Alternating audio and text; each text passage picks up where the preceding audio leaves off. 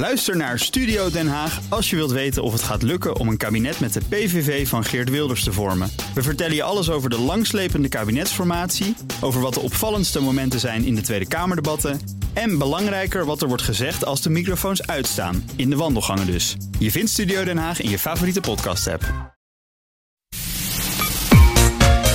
BNR in Europa, 2G-tournee. Welkom bij de 2G-tournee van BNR Europa. Waarin ik, Geert-Jan Haan, Europa-verslaggever bij BNR...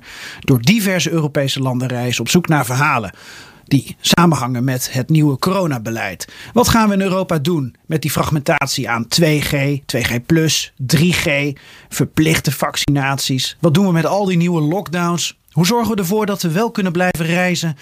En met name, hoe voeren we daar een goede discussie over? Daar ben ik naar op zoek in allerlei landen, zoals Oostenrijk, Frankrijk, Duitsland, Luxemburg, maar ook het Europees Parlement. En dit is een van die gesprekken. Ik ben uh, Bert-Jan Ruijsen, uh, lid van het Europees Parlement voor de SGP sinds 2019. Wordt hier in het parlement gedebatteerd over het soort samenleving waar verschillende Europese landen nu mee bezig zijn? 2G, 3G, 1G? Er wordt zeker over gediscussieerd en dat is denk ik ook goed ook. Uh, omdat heel Europa hier natuurlijk mee te maken heeft. Dus, dus, dus, dan is het om te beginnen al goed om ervaringen met elkaar te delen. En ook al lessen te trekken. Hè, van waar gaat het wel goed, waar gaat het niet goed. Ik vind wel trouwens dat het, als het gaat over fundamentele keuzes. Hè, wel of geen lockdown of welke maatregelen tref je. Ik vind wel dat de lidstaten daar zelf primair over moeten blijven gaan. Dat geldt ook voor, een, voor de aanpak van de pandemie. Omdat de situatie gewoon ook heel sterk kan verschillen per land. Wat is nu het beleid in het Europees Parlement? Voor Europarlementariërs, voor personeel? Voor ons is het beleid dat je het gebouw alleen inkomt met een coronapas. Dus dat betekent of ingeënt zijn, of hersteld zijn, of je moet je laten testen. Dus eigenlijk een 3G-beleid wat we hier kennen. En hoe vaak moet iemand zich dan laten testen? Ja, toch wel twee of drie keer in de week. Zo'n test is 48 uur geldig. Dus voor degenen die niet zijn gevaccineerd, is dat natuurlijk toch best een, uh, een, een, belemmering. En dus best een zware belasting. Ten meer ook omdat het gewoon feitelijk betekent dat je ook in de werksituatie dan hiermee geconfronteerd wordt. Dat, dat komt iedere keer terug. Dus daarom ben ik ook best heel kritisch op die coronapas. Dat creëert toch een bepaalde tweedeling toch een bepaalde dwang, ook richting niet-gevaccineerden, om zich te laten inenten. En dat vind ik een, een fundamentele keus. Je merkt ook dat het leidt tot polarisatie. De groep gevaccineerden tegenover de groep niet-gevaccineerden. Waarbij de niet-gevaccineerden worden neergezet en beschouwd als de zondebok. Dat vind ik een hele kwalijke ontwikkeling. Dus dat we hier fundamentele discussies over voeren, vind ik wel een hele goede terechte zaak. Daar moeten we het met elkaar over hebben. Het is heel lastig wel dat het natuurlijk ook nationale competentie betreft. En dat landen als Duitsland en Oostenrijk dus bepaalde samenlevingen nu aan het creëren zijn. Uh, in Nederland hebben we dat debat nog even uitgesteld. Welke rol kan um, een Europees parlement daarin spelen? Inderdaad, het zijn nationale bevoegdheden. Dus we kunnen geen dingen afdingen bij landen. Moeten we ook volgens mij niet willen. Maar het gaat wel over fundamentele kwesties hè, over grondrechten. Dus ik vind wel dat wij als parlement hier een rol in kunnen spelen door de discussie aan te gaan, door het dialoog te voeren. En door met lidstaten in gesprek te gaan. Uh, ja, in welke samenleving willen we nou leven met elkaar? Grondrechten moet je, daar moet je vooral het gesprek over aangaan met elkaar. Zonder nou gelijk met allerlei juridische procedures uh, te starten. Dat, dat werkt alleen maar contraproductief in mijn beleving. Het is natuurlijk wel een uitzonderlijke tijd. En een tijd waarin gevaccineerden dan zeggen: wij hebben onze prik gehaald, wij hebben onze plicht gedaan. Nu is het aan jullie ongevaccineerden of om de zondebok te zijn, of om de consequenties te ervaren. Hoe kijkt u naar dat perspectief? En ieder heeft zijn verantwoordelijkheid te nemen. En dat begint er al mee dat we de basismaatregelen met elkaar goed in acht moeten nemen. Dat geldt voor gevaccineerden en dat geldt voor niet-gevaccineerden. Um, en gevaccineerden geven aan van wij nemen onze verantwoordelijkheid door, uh, door, door, uh, door, te inenten, door, door te laten inenten.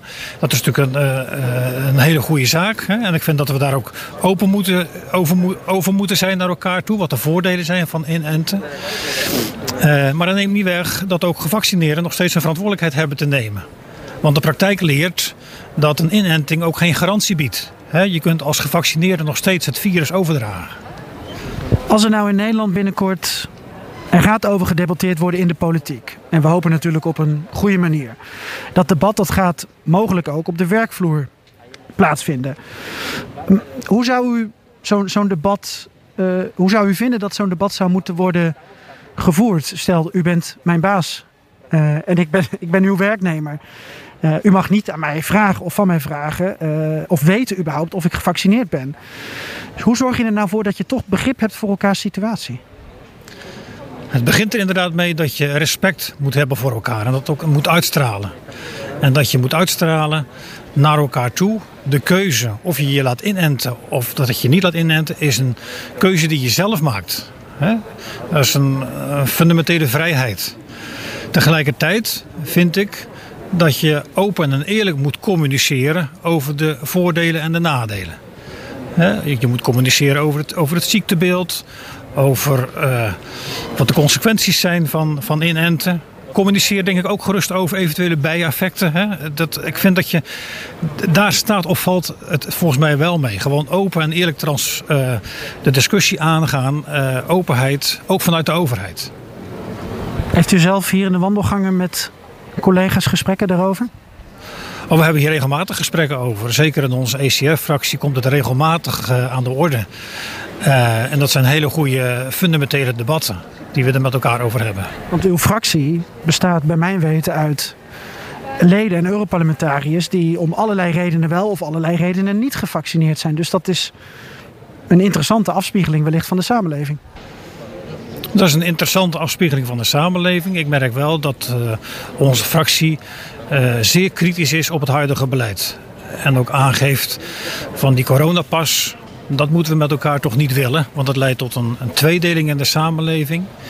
Het leidt tot polarisatie uh, en zeker toegang tot een Europees parlement, wat toch een huis van democratie hoort te zijn. Ja, die toegang moet je eigenlijk voor een ieder waarborgen. En het kan niet zijn dat je de, de een anders behandelt dan de ander. Dat is eigenlijk de lijn van onze fractie. Wat we nadrukkelijk ook hebben uitgedragen naar de conferentie van voorzitters. Ja. Staat het deze week nog op de agenda? Eh, op de fractievergadering. Uh, of überhaupt in, in het EP een wat grotere in een wat groter debat? In, in, onze fractievergadering is het bijna een standaardpunt. Uh, dus ook volgende week hebben we weer een groepsvergadering. Uh, dat, dat wordt bijna, uh, dat komt iedere keer komt het aan de orde. En wij agenderen dat ook om op die manier via onze fractielijnen aan te dringen op een zo snel mogelijk een aanpassing van deze, van deze maatregel. Fijn dat we erover in gesprek konden. Dat is het begin, toch? Dat is het begin. Een goed gesprek, absoluut. Dit was een aflevering van de 2G-tournee die ik maak door Europa. De volgende reis staat er voor je klaar. BNR in Europa. 2G-tournee.